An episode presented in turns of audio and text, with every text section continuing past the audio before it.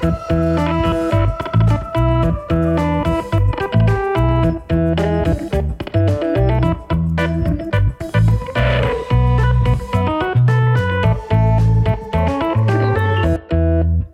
goedemorgen, goedemiddag, goedenavond of wanneer je dit ook luistert en welkom bij The Brief, de podcast over content, marketing en media of nog specifieker, welkom bij Briefly, de thuiswerkerseditie van onze mooie show. Vandaag is het vrijdag 8 mei, een donkere datum voor de Ajaxide onder ons. Het is het jaar 2020, de zon schijnt wel, het is tijd voor afleveringetje nummer 24 alweer aan de andere kant van de lijn, waar de vriend, collega en man die waarschijnlijk even hard aan het weekend toe is als ondergetekende Matthijs Tielman. Yay, hallo.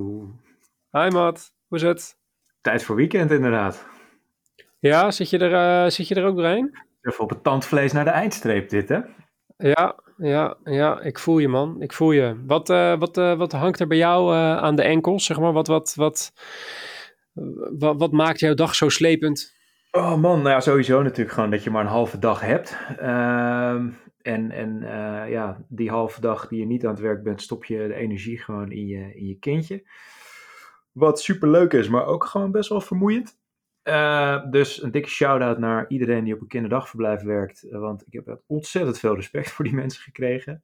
voor zover ik dat natuurlijk nog niet had. nee, ja, en op werk is het gewoon de uurtjes die je hebt, ben je voornamelijk aan het bellen en aan het overleggen en andere mensen aan het werk aan het houden zodat zij verder kunnen, waardoor je eigen to-do-list alleen maar langer en langer en langer wordt.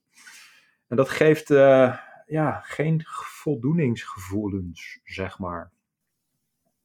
Ja, herkenbaar man, herkenbaar. Inboxen dus die, die thuiswerk komen.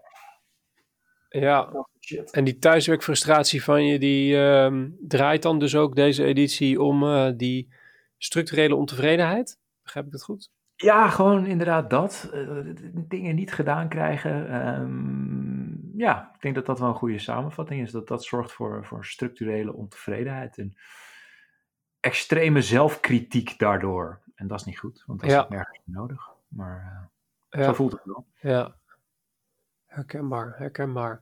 Uh, mijn thuiswerkfrustratie die hou ik nog heel eventjes in de kamer. Ehm, want daar wil ik straks met je over praten. Uh, maar mocht je als luisteraar zijn en nou een thuiswerkfrustratie uh, hebben, deel die dan via de hashtag thuiswerkfrustratie of via de DM.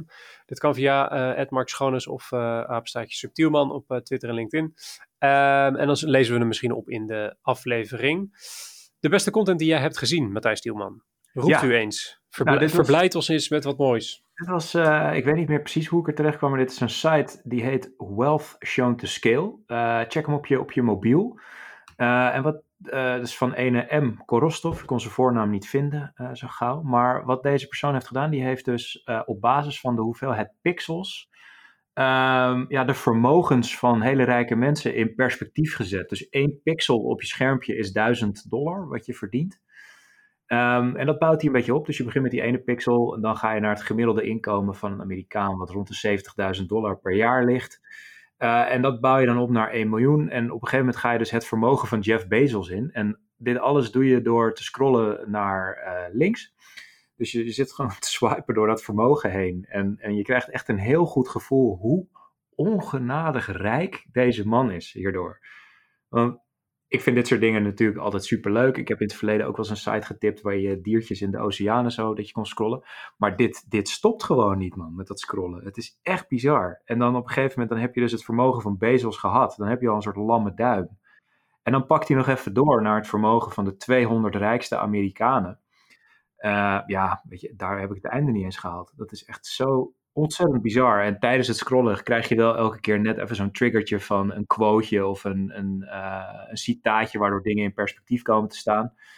Um, dat je bijvoorbeeld uh, met het vermogen van de rijkste 200 Amerikanen, volgens mij iedereen in Amerika, een, een prima inkomen zou kunnen geven de komende 10 jaar of iets dergelijks.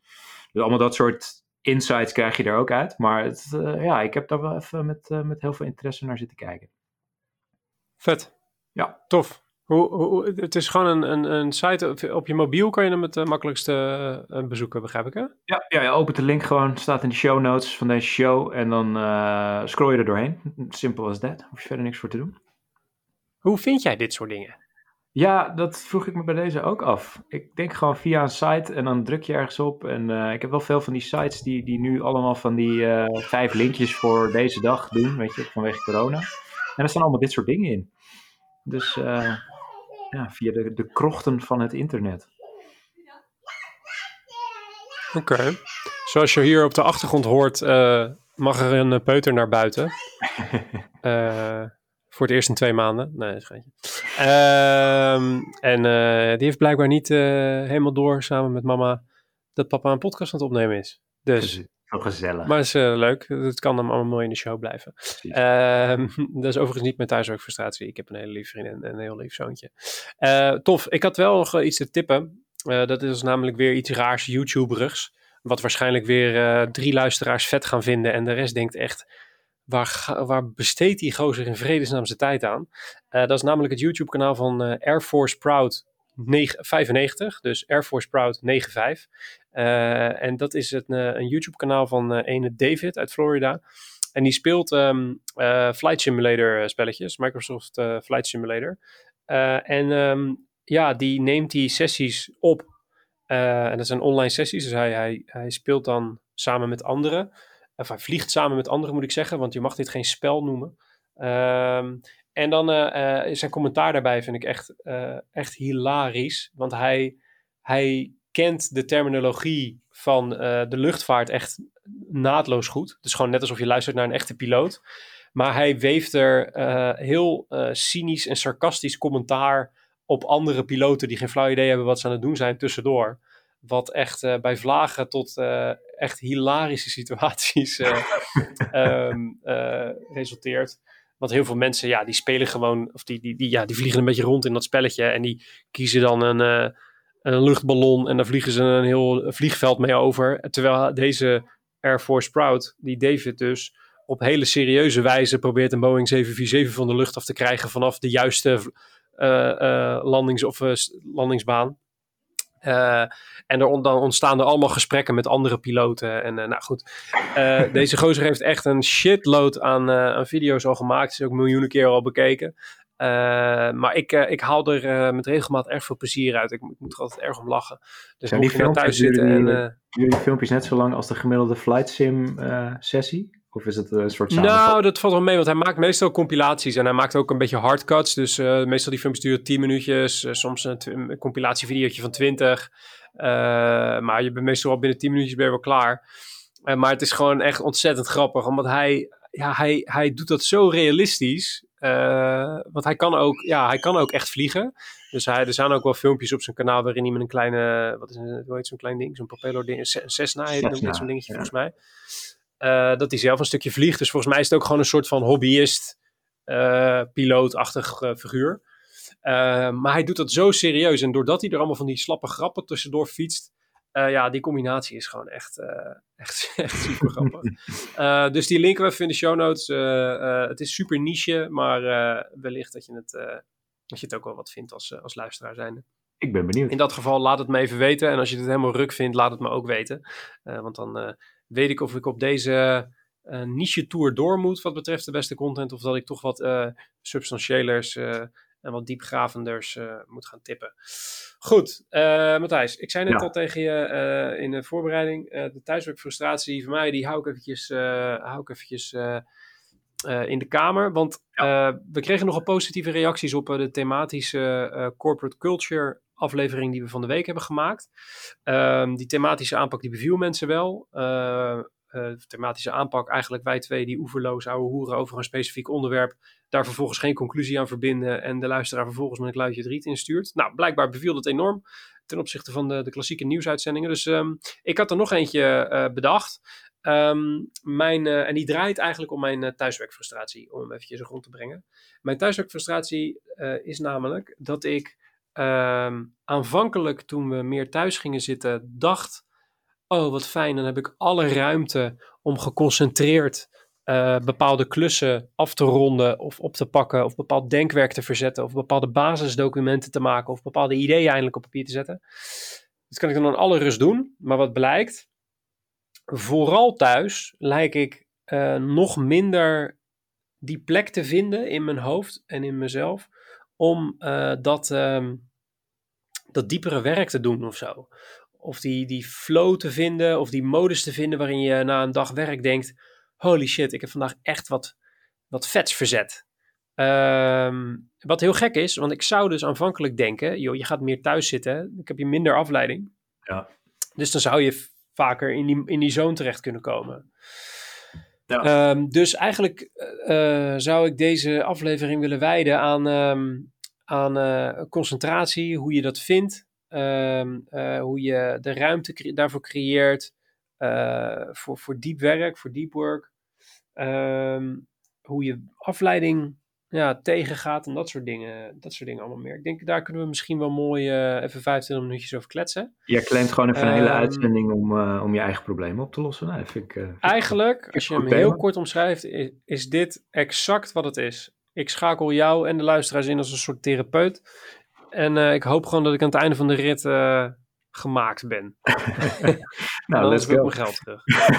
Ehm, ik, ik kwam hier namelijk een heel klein beetje op door, eh, doordat ik in, volgens mij, volgens mij vorige week, ontving ik een nieuwsbrief. En deze nieuwsbrief wordt onder andere ook, hoorde ik van de week, eh, hoorde ik een tijdje geleden getipt in de, de podcast over media van een gast van de podcast, Alexander Klupping en Erjan Fout. Dat is namelijk de nieuwsbrief Super Organizers. Eh, dat is ook bij deze een tip van ons. Eh, want eh, dat, die ontvang, ontvang ik al een tijdje met veel plezier. En daar hou ik heel veel uit. Dus als je een beetje van productiviteit en eh, het optimaliseren van informatiesystemen en dat soort gekkigheid houdt, schrijf je ervoor in. Maar los van die nieuwsbrief, in die nieuwsbrief stond een interview met auteur Neil Nier Eyal, moet ik zeggen. En dat is de auteur van onder andere het boek eh eh, wat, eh, wat wel een tof boek is waar ik nu toevallig tegenaan zit te kijken. Wat mijn, mijn, de monitor van mijn laptop, eh, of de monitor van mijn computer, die staat daarop geleund. Ehm, eh, en dat gaat over hoe je digitale producten bouwt die gewoontes bewerkstelligen bij gebruikers. Wat natuurlijk heel belangrijk is als je kijkt naar digitale producten als een Facebook en dergelijke. Dat is dus eigenlijk maar, productief. Sorry? Nou, eigenlijk tipt, eh, wat hij schrijft dus inderdaad ook over, over super gefocust zijn en dat soort dingen. En, en vervolgens schrijft hij ook over hoe je dus shit kan ontwikkelen die jou verslaat. Hij heeft eigenlijk een beetje zijn eigen markt gecreëerd, want hij heeft eerst Hooked geschreven en daarna Distra- Indistractable. Hm. En het eerste boek gaat inderdaad over hoe je producten eh, maakt die gewoontes creëert bij mensen. Ja. En Indistractable gaat over eh, hoe je eh, afleiding tegengaat. Dus hoe je waarschijnlijk loskomt van diezelfde digitale producten. Dus dat is wel een interessant... Wij hebben jou door, meneer Neil Eyal. Ja, ja, die, eh, die is eh, bij deze gekraakt. Ehm, eh, maar het is een hele slimme vent. En hij, hij zei in die nieuwsbrief zei hij echt een aantal super interessante dingen over afleiding. En toen dacht ik, oeh, daar, moeten we, daar wil ik een podcast over maken met, eh, met Matt. Ehm, hij zegt namelijk eh, dat eh, heel veel mensen denken dat afleiding, eh, eh, dat het tegenovergestelde van afleiding focus is. Heel veel mensen gaan op zoek naar focus en, en zien afleiding als een soort van bedreiging voor die focus. Maar hij zegt het tegenovergestelde van eh, afleiding, in de meest letterlijkere zin, eh, is tractie. En in het Engels is dat letterlijk zo, want eh, distraction en traction komen van dezelfde Latijnse kernwoorden, kernwoord af. Ehm, maar hij zegt, tractie trekt je namelijk naar iets toe.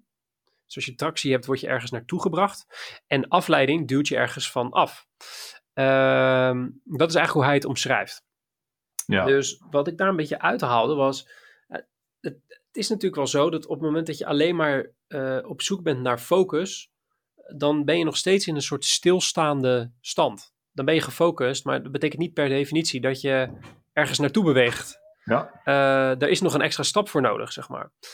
Eh, dus, en dat, dat, ik vond het wel herkenbaar, want op het moment dat ik op zoek ga naar die eh, concentratiemodus, om het zo maar te zeggen, dan ga ik allerlei dingen die mijn focus verstoren, eh, wegpoetsen. Dus dan ga ik eh, mijn e-mail helemaal leeghalen, want dan ga ik, anders ga ik daaraan denken. Haal ik mijn social media kanalen even alle vinkjes weg, want anders ga ik daaraan denken.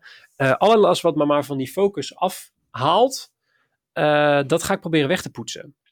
Eh, en dat is een soort van eindeloze loop aan dingen die je dan gaat doen, zonder dat je nou daadwerkelijk vooruit beweegt richting de klus die je gedaan wil, eh, wil krijgen. Dus focus Eh, moet het dus dat- gevolg zijn van productiviteit, zeg maar. Ja. Ja, of tractie moet, eh, tractie moet focus als resultaat hebben, zeg maar. Ja. Maar hoe, hoe krijg je die ben- tractie dan voor elkaar, zeg maar? Ja, daar, daar ben ik dus nog niet helemaal, uh, die heb ik nog niet helemaal gekraakt. Ja. Ik, um, hij heeft er wel een formule voor. Uh, die, ga ik straks, uh, die ga ik straks even aan je, aan je voorleggen. Maar ja, hoe zou jij, hoe, hoe, stel, hoe, hoe doe jij dit bijvoorbeeld? Je moet een, een, een grote, groot ding doen. Mhm. En je merkt aan jezelf gewoon, je kent het gevoel wel. Je, je bent er gewoon niet in je hoofd om dat te, doen, om dat te gaan doen. Ja, nou, ik denk dat, Wat dat, doe jij dan? Dit doet mij heel erg denken ook weer aan, aan uh, Getting Things Done, waar we het vorige keer over hadden, dat boek van David Allen, waarin staat van, uh, weet je, heel vaak is een project in jouw hoofd is gewoon, uh, nou ja, strategie schrijven voor klant X. Zo zit het in je kop. Alleen eh, deze, deze opdracht bestaat uit heel veel kleine stapjes die je moet zetten. Uh, dus, dus alleen maar denken aan die hele grote opdracht gaat, zorgt ervoor dat je alle kanten op blijft gaan van, oh, ik moet dit nog doen, ik moet dat nog doen, ik moet zus nog doen, ik moet zo nog doen. En wat mij altijd heel erg helpt, is, is dit soort projecten, die knip je dan gewoon op in stapjes, wat uh, je to-do's worden. En, en daarmee creëer je voor jezelf ook een, een soort roadmap om van het beginpunt naar het eindpunt te komen. En, en is het dus ineens niet meer een enorme berg die je over moet in één keer, maar is het gewoon stapje voor stapje voor stapje naar je doel toe. Um, dus, dus dat geeft mij persoonlijk altijd wel die tractie. En ik merk ook altijd ook wel eens als je gewoon moe bent of gestrest, dat je, dat je een beetje in zo'n paniekmodus gaat. Wat jij ook zegt, dan ga je je inbox legen en dan ga je heel erg op Slack iedereen heel snel antwoorden, want dan voel je je lekker productief. Uh, maar dat ben je dus eigenlijk totaal niet, want je bent alleen maar reactief bezig. Um, en als ik mezelf dan weer even in check moet krijgen, dan is het gewoon even kijken naar de dingen die je moet doen. Opbreken in, in echt concrete acties die je moet doen uh, om, om tot je doel te komen. En dan uh, kan ik ook wel weer lekker in die flow komen, zeg maar. Dus, dus zo werkt het bij mij. En heb je dan, zeg maar, voor dat eerste stapje in die, in die grotere taak, heb je daar nooit dat je, dat je gewoon weet, oké, ik weet exact welke stapjes ik moet zetten om dat grotere project voor elkaar te krijgen, maar dat je jezelf gewoon niet aan het werk krijgt? Oh ja, dat? zeker wel. Ja, tuurlijk. Ja, maar dat is het. En, Wat doe je dan? Uh, ja, nou, soms moet je het ook gewoon omarmen, uh, dat het gewoon even niet lukt. Ja, ik, ik, ben, ik heb dat ook wel, weet je, ik heb alle pushmeldingen en alle rode bolletjes die jou willen laten weten dat je weer een bericht hebt ergens of zo, die heb ik allemaal uitstaan op mijn computer. Uh, dus, dus ik word in principe niet gestoord door meldingen, uh, behalve van, van vergaderingen of calls waar ik in moet, uh, want dat onthoud ik allemaal niet meer. Um, maar soms, ik heb zoiets van, ja, weet je als, je, als je er niet in komt, dan kun je jezelf heel erg dwingen om er wel in te komen. Maar dat, dat gaat op een gegeven moment alleen maar frustreren. Soms lukt het wel hoor, maar het gaat met 9 van de 10 keer heel erg frustreren. Um, en wat bij mij hierbij het beste werkt, is dat je dit soort dingen in de ochtend doet. Dan ben je fris, dan heb je al je energie nog die je daarop kan richten. En in de middag ja, merk ik gewoon dat ik minder energie heb om gefocust te blijven. Dus wil ik eigenlijk het liefst gewoon uh, ja, de reactieve dingen doen. Dus de e-mails en uh, de Slack berichtjes en dat soort zaken. En uh, ja, dat, dat heb ik ook geleerd van, van Deep Work. Jij noemde dat boek net al. en eigenlijk een van de interessantste learnings die, me, die daaruit altijd is blijven hangen, is dat je hebt als mens een beperkte hoeveelheid wilskracht. En elke keer weer aan het werk gaan kost je gewoon wilskracht. En ongeveer 20 minuten voordat je weer in die staat van focus terechtkomt, in die productieve modus. Um, dus als jij in de ochtend al heel erg gaat zitten op e-mailtjes en, en reactief bezig zijn, dan heb je aan het eind van de dag gewoon geen energie meer over om die moeilijke dingen, um, zoals jij net ook zei, van het, ja, het, afleiding duwt je ergens vanaf. Vaak van moeilijke dingen die, die energie kosten.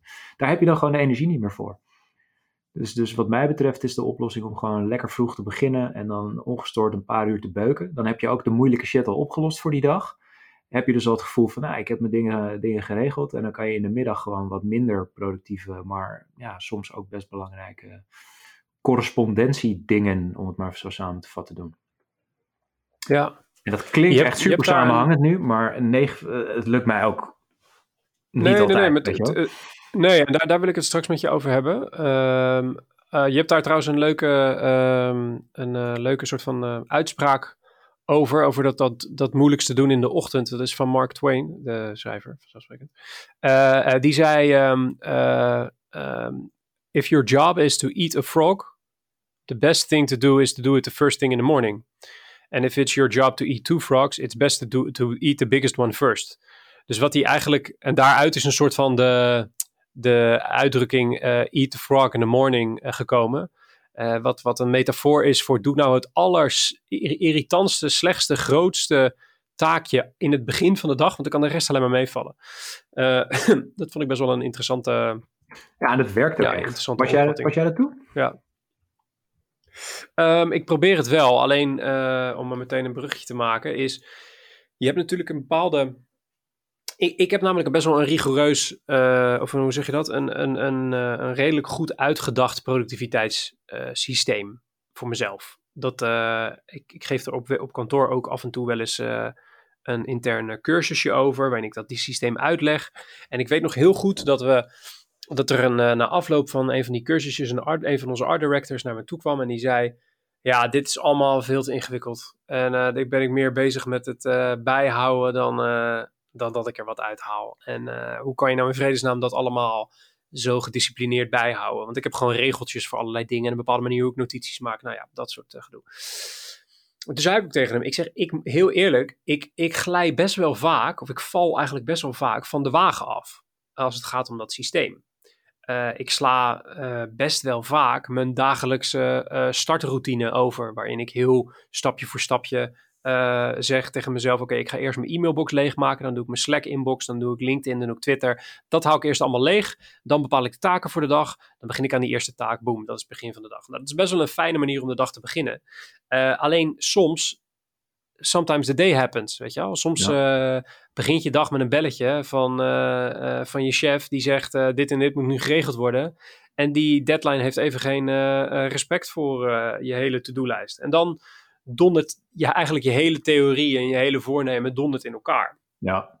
Um, de, de, voor mij, tenminste, de, de manier hoe ik dat aan, aan mezelf goed praat, uh, is dat het systeem echt een soort anker is wat me stabiel houdt en waar ik op kan terugvallen, weet je wel. Um, maar heb jij dat, herken jij dat, dat je, uh, dat je bepaalde regels voor jezelf hebt bepaald en dat je daarop terugvalt? Bepaalde productiviteitsmethodes of regels of, of uh, gewoontes? Ja, het is, het is wat jij zegt, het is gewoon... Uh, je hebt van die periodes, dan, dan gaat het gewoon, dan glij je inderdaad volledig weg. En dan ja, komt er gewoon een, een uh, moment waarin nou ja, bij mij dan persoonlijk de frustratie gewoon enorm oploopt. En dan bedenk je denken van, oh ja, ik moet wat doen. En dan pak je dat systeem er weer bij, weet je. En dan ga je dat weer invullen. En zo is het eigenlijk een soort herhalende cyclus van, dan ga je er weer heel strak bovenop zitten. Dan wordt het weer wat minder. Dan kom je in een periode waarin het soort van vanzelf lijkt te gaan. En in één keer dan, dan glijdt het weer een beetje weg. En dan komt die frustratie weer terug. En zet je die frustratie Maar is dat, is dat is dat, is, en dit is, een, dit is een vraag waar ik zelf nog geen antwoord op heb hoor, ik hoop dat jij. Is dit nou een, een, een symptoom van het feit dat, dat het systeempje nog niet werkt? Of is dit een gegeven dat het resultaat is van mens zijn? Ik dat denk je het laatste. Discipline, dat je discipline gewoon af en toe verslapt of zo? Ja, het is, ik denk dat het meer is. Kijk, we zijn natuurlijk allemaal ooit met, met onze systeempjes begonnen, omdat je daar, dat had je nodig in je leven, omdat ja, dingen gingen gewoon niet zoals het zou moeten. En, en je bent op zoek gegaan naar een reden. Dus heb je dingen gestructureerd. En dat werkte. Maar op een gegeven moment werkt het gewoon. Dan, dan heb je, je, dingen op orde. En dan gaat je aandacht gaat naar andere dingen. En, en uh, langzaam maar zeker glij je dan een beetje weg. En, en dat zie je volgens mij als, als mens op heel veel dingen gebeuren. Weet je wel. Uh, ja, komt niet even een heel goed voorbeeld naar voren. Maar dat je in het begin heel fanatiek begint met hardlopen. En, en na een tijdje dan, dan kabbelt dat weer een beetje af. En uh, ja, dan, dan uh, zie je die bierpens weer groeien. En dan denk je, oh shit, ik moet weer wat gaan doen. En dan, uh, dan ga je weer lekker rennen. Weet je wel? Ja, nou ja, neem, neem voetballers die terugkomen uit een zomerstop of zo. Dat is wel een goed voorbeeld die zitten in een bepaald ritme. Dat ritme daar, op een gegeven moment hebben ze geen aandacht meer voor het ritme, want ze moeten zelf trainen. En dan komen er altijd een paar uh, terug met een paar pondjes te veel uit, uh, uit de zomerstop. Ja. Dus misschien dat het, dat je, dat het zo eh, te verge, vergelijken is. Ja. ja, en ik denk ook dat het goed ja, is ja. Hè, dat het zo is. Want, want als jij elke dag continu bezig moet zijn met hoe werkt mijn systeem en, en werkt het nog optimaal en moet ik het verbeteren en, en dat soort dingen, dan, dan wordt dat je focus en dat is ook weer niet de bedoeling. Dus het systeem moet voor jou werken en jij moet niet voor het systeem werken. Dus, uh... Ja, precies. Maar dat is, dat is tenminste, dat is, ik weet niet of je dat herkent, maar dat is als je een beetje begint met die productiviteitsboeken en die theorieën en al die apps. Dat is de valkuil waar je zelf ja, genadeloos indondert dan. Want dan, dan stap je iedere, uh, iedere maand stap je weer over naar een nieuw tooltje en een nieuwe methodiek en een nieuwe, ja. nieuwe app. Um, en dat doe je nu af en toe nog wel eens. Uh, ja, je, eh, je productiviteitssysteem kan bijna een excuus worden om niet te werken, zeg maar. Ja, exact. Dat je daar alleen maar mee dat is natuurlijk bent. het. Dat is het gevaar, ja. Dat is het gevaar. Hey, en merk jij, merk jij verschillen in, in de manier hoe je dingen voor jezelf regelt eh, nu versus toen we nog op kantoor zaten? Ehm, ja, dat, dat ik wanhopig probeer vast te houden aan een systeem op dit moment, maar dat er eigenlijk geen reet van terecht komt. Ehm, en dat ik op dit moment daar ook maar gewoon een beetje vrede mee heb. Weet je, dat het zo is van, eh, weet je, ja, er vallen dingen tussendoor. Eh, dat, dat is niet zoals het zou moeten, maar ja, we zitten allemaal in een situatie waarin het is. Dus daar is ook gewoon begrip voor. Ik heb wel eens iets van de dingen die ik moet doen, die doe ik gewoon, eh, de, de grote belangrijke dingen. Dus echt, ja, ik, ik, ik gebruik altijd, de, heb ik ooit van Seth Godin heb ik dat geleerd. Je hebt busyness, dingen die je bezighouden, maar je hebt ook business, dingen die er echt toe doen. Dingen die ik als business beschouw, die doe ik ook gewoon. Ehm, daar gaat ook gewoon volle bak de focus op. En voornamelijk de dingetjes die busyness zijn. Eh, ja, de, de nice to have dingetjes, om het maar zo te omschrijven, die, eh, ja, die vallen gewoon wat vaker door, eh, door de gaten. En eh, ja, dat is maar even zo. En wat, en wat zijn dan eh, voorbeelden van jouw busyness dingen? Dus dingen die een, ma- een middelmatige impact hebben op, eh, op je succes, maar die je toch doet? Eh, busyness dingen bedoel je? Nou ja, dat is echt wel, wel Ja. veel communicatieve dingen, weet je. Ehm, dus ja, wat je, wat je gewoon merkt is mensen stellen je vragen. Kijk, die mensen moeten ook verder met hun, met hun project. Alleen nu is het gewoon vaker dat je merkt van ja, sorry, dat, dat slekje dat beantwoord ik wel een keer. Ehm, dat is gewoon even niet, niet, zo, niet zo belangrijk. Maar dat zit, busyness zit hem denk ik heel erg in het, in het communiceren en eh, e-mailen, belletjes, ehm, dat soort dingetjes. Ja. Meetings, videocalls.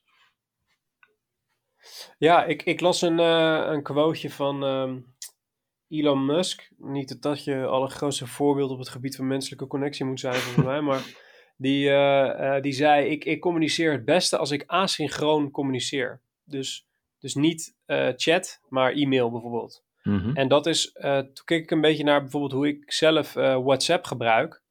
Ik gebruik WhatsApp als een soort e-mail. Ik, ik reageer nooit in één keer. Notificaties staan altijd uit. Als je me dringend moet hebben, moet je sms'en. Want ik schrijf gewoon wat langere berichten doorgaans terug. En laat soms sommige berichten gewoon een dag of twee in mijn mailboxje staan. Ehm, eh, hoe, hoe zit dat bij jou? Is het, is het, eh, heb jij eh, moeite met dingen laten liggen op dat communicatiegebied of niet? Ja, ik denk dat die verslaving, eh, ingebouwde verslaving, dat dat vaak wel goed werkt. Dat, dus dat is ook echt letterlijk de reden waarom ik al die rode bolletjes uit heb staan. Omdat je anders gewoon de hele dag daarmee bezig bent. Ehm, en, en alles is ook urgent in, die, in, in dat soort dingen, weet je wel. Dus, dus je komt in een soort bepaalde paniek. En ieder antwoord eh, wat je geeft, zorgt 9 van de 10 keer ook weer voor één of, of soms wel meerdere wedervragen. Dus dat zorgt ervoor dat je alleen maar dieper dat, eh, dat ding inzakt. En, en eh, ja, wat jij zegt, ik ben het daar helemaal mee eens. Weet je, dat, dat door asynchroon te communiceren kun je beter nadenken over je antwoord. Ehm, ja, bij het tikken van een e-mail, daar, daar denk je gewoon langer over na. Weet je, je kijkt naar wat schrijf je op, is het duidelijk, zitten er geen spelfouten in. Je gaat er gewoon wat netter mee om. Ja, en een, en een chatje in, in Slack of in WhatsApp, ja, dat is gewoon rammen en eh, in the moment. En eh, daar zit, zit niet heel veel denkwerk in, nee. Dus ik, eh, ja, Nee. in die zin volg ik Elon wel. Ja. Ja, grappig. Ik zit nog een beetje na te denken over die. ehm, over jij noemde het volgens mij net. Nee, volgens mij noemde je het niet letterlijk schuld. Nou, laat ik het op mezelf be- betrekken. Ik voel me soms best wel aan het einde van de dag, als ik dan in mijn to-do-list, want dat is mijn to-do-lijst eh, app, kijk en ik heb sommige dingen nog niet afgevinkt, dan, dan ga je je daar slecht over voelen. Omdat sommige dagen natuurlijk eh, gewoon een beetje, eh, ja, die schoppen daar, eh, die schoppen dat allemaal in de war. Ja, eigenlijk zouden to-do-apps daar ook op ingesteld moeten zijn, zeg maar. Zeg maar, alle to-do-apps die je kent, die, zijn, die gaan ervan uit dat, ehm, dat je altijd alles goed doet. ja. Snap je? Dus je zou eigenlijk een soort van emergency button of een, eh, nou niet een emergency button, maar dat je gewoon een knop in kan drukken die heet... Uh, Clear het was weer zo'n dag. het was weer zo'n dag. Nou, je kan natuurlijk wel taken uitstellen. Van uitstel komt afstel. Dus dat is ook wel weer... eh, ik, ik, ik ken toevallig één app. Dat is een, eh, een budget app. Die doet dat wel netjes. Dat is You Need a Budget. Wine app heet, dat, heet die app. En die zet ik ook wel in de show notes. Ehm, die, ehm, die helpt je namelijk met het budgetteren van je inkomen. En op het moment dat je ergens geld tekort komt, ehm, eh, vertelt hij je op een hele soepele manier waar je dat geld dan vandaan zou kunnen krijgen vanuit een andere post die je hebt begroot. Eh, waardoor je nooit het gevoel hebt dat je in een soort van set frame zit, waarin je als je er maar eentje even uitvalt, dat je een totale loser bent. Mhm. Maar het is heel fluïde. Ze hebben dat best wel netjes gedaan. Een heel fluïde eh, eh, stukje software is dat. Ehm, ja, ik zou willen dat ta- takensystemen ook wat eh, zo een Ja. beetje in elkaar steken. Hm, Ja, maar dat is natuurlijk ook, de, kijk, taken worden vaak door andere mensen bepaald en, en ja, die weten van elkaar niet wat het meest urgent is. En dat, dat vind ik altijd het lastigst. Dat, ja, weet je, de opdrachtgever vindt altijd dat zijn opdracht het meest urgent is. En, en het is aan ons om te bepalen wat is er dan van die twee dingen het meest urgent. Snap je? Ja, ja, maar in principe, je doet natuurlijk zelf je takenlijst invullen. Ja. In principe. Nee, is ook zo. Ehm, al, al is het wel zo, en dat is volgens mij ook wel wetenschappelijk bewezen, dat mensen zijn in één ding echt mega slecht. En dat is hun eigen capaciteit inschatten. Dus inschatten hoe lang iets duurt en hoe lang, je dan iets, eh, hoe lang het duurt om iets gedaan te krijgen. Eh, daar weten mijn collega's alles van, want ik roep zo vaak in meetings, dat doe ik nog even vandaag. En het wordt gewoon stevig een week later. Ehm dat je er dan niet in toe komt. ja. Ehm, ja, grappig is dat, hoe dat werkt. Ik had nog een ander quoteje uit dat, eh, uit dat, ehm, eh, dat interview in die nieuwsbrieven met die Nir Eyal. Die zegt, eh, een van de allergrootste problemen ook bij mensen is dat ze proberen om moeilijk werk makkelijk te maken. Dus op zoek gaan naar hacks of stappenplannetjes of maniertjes om lastig werk, gewoon inherent lastig, irritant, rotwerk, om dat wat comfortabeler te maken. En wat hij zegt is, is in principe is afleiding en, eh, en een beetje wegdromen en de, de, de drang om eh, te gaan Facebooken als je eigenlijk een klus moet doen. Eh, dat is gewoon een wapen van jezelf tegen die afleiding of tegen, die, tegen dat werk. Omdat je, je lijf en geest voelt gewoon dat het werk moeilijk is. Dus hij verbindt daar de conclusie aan, die, die vond ik best wel interessant en inzichtelijk, is dat de enige manier om die afleiding dus tegen te gaan, is voor jezelf erkennen dat je op het punt staat om moeilijk werk te doen. Mhm. Dus om tegen jezelf te zeggen: dit gaat gewoon kut worden. dit is gewoon, dit gaat moeilijk worden, pijn doen. Dit gaat, je gaat goed over na moeten denken. Ehm, en als je zelf in die mindstate krijgt, in die acceptatie krijgt, dan zal je ook minder snel afgeleid worden, want je lijf zal dan ja, wat minder interne triggers krijgen om, eh, of voelen om wat anders te gaan doen of zo. Ja. Dat vond ik op zich wel. eh, ik heb dat zelf bijvoorbeeld met uren schrijven. Eh, dat moeten wij natuurlijk allemaal doen, want alles eh, wat we voor, bijvoorbeeld voor klanten moeten doen, eh, dat moet natuurlijk allemaal nagerekend worden of doorgerapporteerd of et cetera. Maar ik vind het hele proces van uren schrijven, vind ik echt met afstand het allerverschrikkelijkste aan mijn werk. Ik vind het hm. zo geestdodend en het is in een systeem waar ik niet zo fijn in werk. En het is eigenlijk echt een van de meest verschrikkelijke dingen die ik moet doen. Dus dat moet ik ook echt inplannen. Moet ik twee keer zo lang voor mezelf inplannen als dat ik het eigenlijk zou moeten doen. Omdat ik gewoon minimaal een half uur nodig heb om mezelf psychisch zover te krijgen dat ik dat moet gaan doen. Uh, en dan uiteindelijk heb ik het zo gedaan. Ja. Um, het valt wel mee, toch? Uh, maar dat...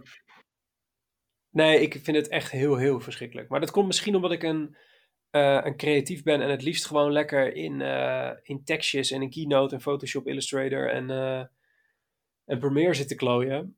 Ja. Maar de hele interface van het systeem en al die cellen en die opties en het rekenwerk en dat, nee, ik, nee, het is gewoon echt, het staat zo haaks op alles wat ik, uh, wat ja. ik leuk vind. Het is wel ontworpen uh, door een boekhouder, die moet, ik, die moet je geven, ja. Het ziet er, het ziet er niet gezellig ja. uit.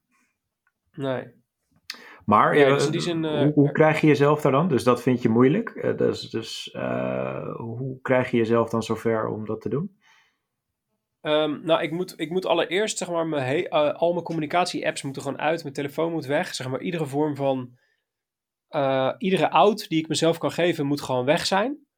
Um, en ik zeg het, ik, ik, ik heb heel veel aan een soort van aanlooptijdje. Dat ik ehm, meestal een soort trucje wat ik doe, is dan eh, kijk ik naar mijn YouTube abonnementjes. Dan kies ik vijf video's uit.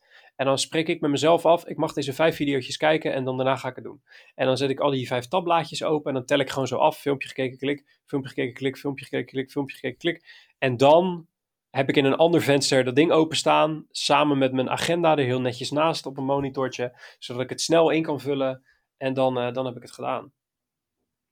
Ah. Dus, maar anders krijg ik het niet gedaan. Hm. Als ik het zo uh, ik heb het namelijk geprobeerd om het zeg maar aan het einde van de dag te doen. Want uh, zoals onze traffic manager uh, terecht zegt, als je het gewoon aan het einde van de dag elke keer doet, dan is het veel minder werk aan het einde van de week of aan het einde van twee weken of whatever. Ja. maar ik krijg dat gewoon niet voor elkaar, want dan, dan kijk ik naar mijn to-do-lijst en zie ik de taakjes staan, uren schrijven en dan, oh, dan krijg ik het al helemaal, word ik al helemaal gek. Dan vind ik het al helemaal, helemaal te veel. Dus ik moet het echt, echt clusteren, anders, anders trek ik het niet. Ja, nou, maar ook, ook dit is zo'n voorbeeld van, dit was in principe als je een hele gestructureerde dag had gehad, dan is het simpel. Dan heb je twee, drie projecten waar je op werkt en that's it. Alleen uh, de, de manier waarop onze dagen ook, ook zeker nu zijn ingedeeld, is het gewoon, uh, ja, wat de fuck heb ik ook alweer gedaan om tussen drie en vier op die dag, weet je wel? Dat, ja. dat is gewoon bijna niet te doen. Dus uh, ja, ja, maakt het ook wel lastig. Dat is waar. Maar dat deed me net even denken nog aan één ding. Zoals je zegt net, je bent creatief. Het liefst ben je gewoon bezig met, met, uh, ja, met, met photoshoppen en, uh, en mooie zinnen uh, in elkaar eh, zetten. Maar je bent toch ook wel een van de mensen die ik ken, een van de meest productivity-focused mensen. Bijt dat elkaar niet? een goede vraag. Um, ja, ik, ik, ik, ik, structureer mijn uh, creatieve blokken, zeg maar mijn maakblokken wel, uh, uh, die, moet ik wel, die doe ik ook inplannen, in principe. En in, die, in die blokken kan er van alles gebeuren. Dus dat kan ook zomaar zijn dat ik gewoon twee uur lang op mijn duim ga zitten en helemaal niks doe. omdat je dan een beetje zo aan het fladderen bent in je hoofd en een beetje op zoek bent naar ideeën. Maar ik heb wel een soort, ja, een beetje, ja, ik doe dat wel ehm, God, wat een goede vraag, ja. Uh, dat, bijt elkaar, ja, dat bijt elkaar wel. Nou, dat bijt elkaar in die zin dat ik, uh, dat ik af en toe nog wel eens um, uh, ga lopen klooien in mijn informatiesysteempje. En nieuwe structuren of theorietjes probeer, uitprobeer. zonder dat het me nou daadwerkelijk heel veel productiever maakt. Snap je? Dus dan mhm. probeer ik mijn creativiteit een beetje te projecteren op de manier hoe ik uh, mijn, uh, mijn, mijn informatiesysteempjes heb ingedeeld. Goed voorbeeld daarvan is dat ik een van mijn corona-klusjes, volgens mij heb ik daar al een keertje aan gerefereerd in, in deze show, was de, om een um, Evernote notitiebibliotheek helemaal te migreren naar Notion. Ja. nieuwe, nieuwe, nieuwe, en, da en daar kan ik helemaal mijn creativiteit dan in. Daar ga ik dan veel te lang in klooien met lettertypetjes en grote en achtergrondjes en fotootjes en allemaal gedoe en icoontjes. Ehm, dan, dan, dan bijt het zich wel natuurlijk. Want in, in principe zou dat systeem een stuk productiever moeten maken. Uh, maar uh, ik merk toch wel dat het in de praktijk, uh, dat ik af en toe nog wel eens doorschiet naar in de kunstenaarsmodus, om het zo maar te zeggen. Ja. Um, verder, ja, ik ben niet, ik ben niet echt een, een, een ik zeg net kunstenaarsmodus, maar zo'n soort creatief ben ik eigenlijk niet echt. Het is, het is dat ik binnen de afdeling creatie zit en dat mijn functietitel Creative Director is. Maar ik denk dat als je kijkt naar mijn uh, profiel qua, nou ja, hoe zou je het zeggen? Talent of zo, zit hem dat ook meer in, uh, in het structureren van creatief werk. Zeg maar, nou, laat ik me anders stellen. Als, als ik in een, in een, in een um, review zit van creatief werk, dan ga ik niet tegen een art director zeggen welk beeld er beter is. Maar ik ga wel tegen een art director zeggen welk soort beeld het verhaal beter zou structureren of vertellen. Snap je? Ik, ik, heb, ik ben een wat geordendere creatief dan iemand die met een pak vla en een, uh, en een herdershond en een uh, schildersezel uh, aan de slag wil. um, ja. Dat eigenlijk. Het is een beetje geramble, maar dat komt ook omdat ik stiekem niet echt een, een goed antwoord op je vraag heb. Ja. Nou, ik zit zelf ook wel eens te denken hoor. Dat, dat, ik voel dat ook wel. Dat, dat heel vaak komt creatieve, creatieve ja, hoe zeg je dat? Van die, van die Eureka-momentjes, die komen juist op momenten dat je helemaal niet daarmee bezig bent. Dus, dus alles zo willen, willen ja, dwingen in een bepaald systeem, uh, merk ik zelf ook dat dat uh, ja, er vaak juist voor zorgt dat je in een soort van verkramping terechtkomt. En ik merk juist als ik gewoon bezig ben met hele, hele simpele nou ja, business dingen. Dus dat je een rapportje in elkaar moet tikken. Waarin je gewoon eh, informatie uit Google Analytics haalt en dat in, in Excel sheetjes hangt. Dat, dat soort representatie, dat, dat is wat ik doe, zeg maar. als ik business, business klusjes heb. Maar dan heb je heel vaak in één keer dat, dat iets klikt, weet je wel. Omdat je gewoon bezig bent, je zit op een bepaalde modus en dan in één keer ergens in de achtergrond valt het puzzelstukje op, op zijn plek. En dat, dat druist een beetje in tegen het geforceerde, super gestructureerde. Ja, ja, de vraag is ook een beetje of je het nou, uh, zeg maar, ik, ik moet dingen structureren op deze manier om uh, overzicht te, te bewaren en niks kwijt te raken. Ja. Dus uh, dat, is, dat is eigenlijk de reden waarom ik alles in systeempjes sodemieter en, en met taakjes uitsplit. En nou ja, goed, dat soort gekkigheid allemaal meer. Ik doe het op zich niet om mijn dagen meer structuur te geven. Ehm, dus het liefst begin ik nog steeds de dag met een lege blanco canvas. En, en graai ik een beetje in die takenbak en kies ik uit wat ik het leukst vind en ga ik dat doen. Um, Waar het inderdaad gaat bijten is op het moment dat je je takenlijst als een soort van leidraad gaat maken van je weekplanning of zo. Dan gaat het inderdaad een veel een soort van overgestructureerd voelen of zoiets. Ja. Um, en inderdaad, wat jij zegt is wel waar. De, de meeste vindingrijke momenten vinden plaats op het moment dat je eventjes helemaal nergens aan denkt of aan iets doms denkt. De douche is daar altijd een goed voorbeeld van. Ja. Um, dat dan, dan heb je even niks aan je hoofd en dan ineens, uh, patsboom, uh, valt er een kwartje of heb je een idee. Uh, maar ja, dat is inderdaad wel waar. Wel waar, ja. ja. Hey, ehm, we hadden de vorige keer niet echt een conclusie. En toen hadden we wel best wel een leuk mailtje gekregen van een luisteraar die zei: joh, uh, geen conclusie aan die aflevering. Dat maakt eigenlijk helemaal geen reet uit, want dan hebben wij als luisteraar ook nog wat na te denken. Um, dus dat vonden we een geruststellende gedachte. Um, meneer uh, uh, Nier Ayal, de auteur naar wiens interview we continu refereerden in dit gesprek, die heeft nog wel een strategie tegen afleiding. die hij ook vangt in zijn boek Indistractful. Uh, um, en dat is, um, uh, die leest als volgt zijn vier stapjes. De strategie tegen afleiding volgens uh, Nier Ayal komt die. de eerste stap is master internal triggers. dus krijg je interne drijfveren onder controle. Ofwel die neiging om aan je telefoon te pakken, die uh, uh, neiging om de afwas te gaan doen op het moment dat je iets, moet, iets, iets belangrijks moet, moet doen in, in, werkcontext. Dat noemt hij internal triggers. Dus, dus interne denkprocessen en behoeftes en, en ja, die drang om andere dingen te gaan doen. Die moet je eerst erkennen en onder controle krijgen. Want hij zegt dat is, dat zijn die, ja, dat is, je kan beter accepteren dat het moeilijk werk is dan dat je, uh, dan dat je toegeeft aan die, aan die triggers. Je kan er pas uh, wat dan, doen uh, als je de, de interne impuls kent, zeg maar. Ja, exact. Dus je moet gewoon erkennen, ik, ik wil nu op Facebook gaan zitten, omdat wat ik op het punt sta om te gaan doen, verschrikkelijk moeilijk is. En kan dan beter dat moeilijke ding gaan doen. Want dat andere ding is maar een trigger om me af te leiden van het ding wat ik daadwerkelijk moet doen. Dus zeg maar dat construct een soort van overanalyseren en erkennen, volgens mij, is de sleutel. Um, dus dat is stapje nummer één. Stapje nummer twee is tijd maken voor tractie. Dus daadwerkelijk tijd inruimen in je dag uh, om die tractie te vinden en te bereiken. Nou, dat, dat, dat lijkt wel een beetje op de manier hoe ik die uren schrijf. um, dan uh, hack back internal en external triggers. Dus sluit je af voor externe triggers. Dus het uitzetten van je notificaties, dat soort, uh, dat soort dingen.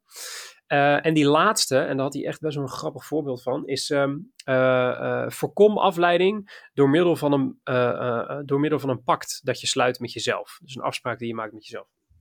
En hij legt uit dat hij in zijn kledingkast heeft hij een briefje van 100 dollar hangen op, een, op een kalender op een bepaalde dag. En iedere dag moet hij van zichzelf sporten.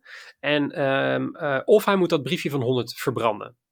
Uh, hij zegt weggeven zou het veel te goed voelen. Dus dat is, dat is niet de, het alternatief wat ik mezelf bied. Ik moet het echt verbranden, dus het geld verliezen. Uh, en hij zegt, ik, sinds dat ik die afspraak met mezelf heb gemaakt, uh, schuif ik het briefje van 100 gewoon elke keer een dag op. Want ik ga gewoon elke dag netjes mijn push-ups doen. Um, en dat werkt dus heel duidelijk, zo'n afspraak met, je, met jezelf. Dus ja. misschien lijkt het wel een beetje op mijn YouTube, YouTube filmpjes uitwissel die ik doe omtrent die urenregistratie. maar ik vond dit wel een leuke leuke vierstapsplan. Ja. Um, een mooie, mooie leidraad om jezelf aan proberen te houden. En af en toe accepteren dat alles de spreekwoordelijke stront inloopt, is ook helemaal niks mis mee. Uh, is misschien een uh, troostende gedachte. Matt, we hebben 44 minuten en 40 seconden um, volgepraat over dit onderwerp. Ja, nou, dat is snel gegaan.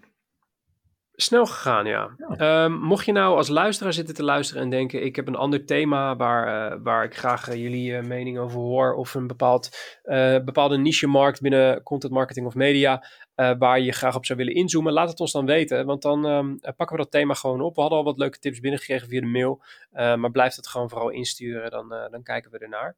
Ehm, Matt, Yes. Staat er nog veel op die takenlijst voor het restant van de vrijdag? Of, ja, uh, ik moet wel even knallen nog. Ik uh, moet er even wat taken afvinken. En uh, dan kunnen we rustig het weekend in. Lekker. Maar een van die taken is een paar dagen vrijnemen volgende week. Dus dat zijn niet de allerergste taken. Oh, hier. Dan zou ik die als eerste doen. Of als laatste bewaren eigenlijk. Ja, als laatste. Dat is gewoon het inluiden van het weekend. Lekker man. geniet ervan. Ik spreek jou maandag. Zeker weten. Fijn weekend. Fijn weekend. Uh, goed, uh, mocht je nou iets hebben gehoord in deze aflevering waarvan je denkt, uh, dat wil ik even lezen, daar wil ik meer over weten, ik wil die boeken nog even opzoeken die jullie tippen. Um, dat kan je allemaal vinden in de show notes, dat zit in de beschrijving van deze aflevering. maar we hebben ook een hele handige nieuwsbrief waarin we die show notes ook delen. de reden waarom we dat doen is omdat de show notes in de beschrijving van deze aflevering niet klikbaar zijn doorgaans. en zo heb je ze allemaal via de mail handig op een rijtje. Ik vind het persoonlijk heel handig als naslagwerk, want ik raak altijd van alles kwijt. Uh, misschien jij ook, schrijf je dan, uh, dan in voor de nieuwsbrief. Dat kan je dan doen via wayneparkerkent.com slash briefly. en we zetten voor de compleetheid ook nog een linkje in de beschrijving van deze aflevering. Goed, ben je al geabonneerd? Heel fijn, dankjewel. Ben je dat nog niet? doe dat dan vooral, want dat helpt ons enorm in het verspreiden van onze afleveringen en onze mooie show. De brief en briefly worden gemaakt door Wayne Parker Kent. Productie wordt op afstand gedaan door de onverprezen Björn Zwagerman. De redactie wordt gedaan door de eveneens onvolprezen Hanneke Stuy. Veel dank daarvoor. volgende aflevering is zoals gezegd komende maandag. Tot die tijd blijf gezond. Blijf vooral binnen. Ga je naar buiten. Houd dan netjes afstand. Want samen komen we er wel. Een fijn weekend alvast. Bedankt voor het luisteren. Tot volgende week. Mijn naam is Mark Schoones en werk ze nog eventjes vandaag.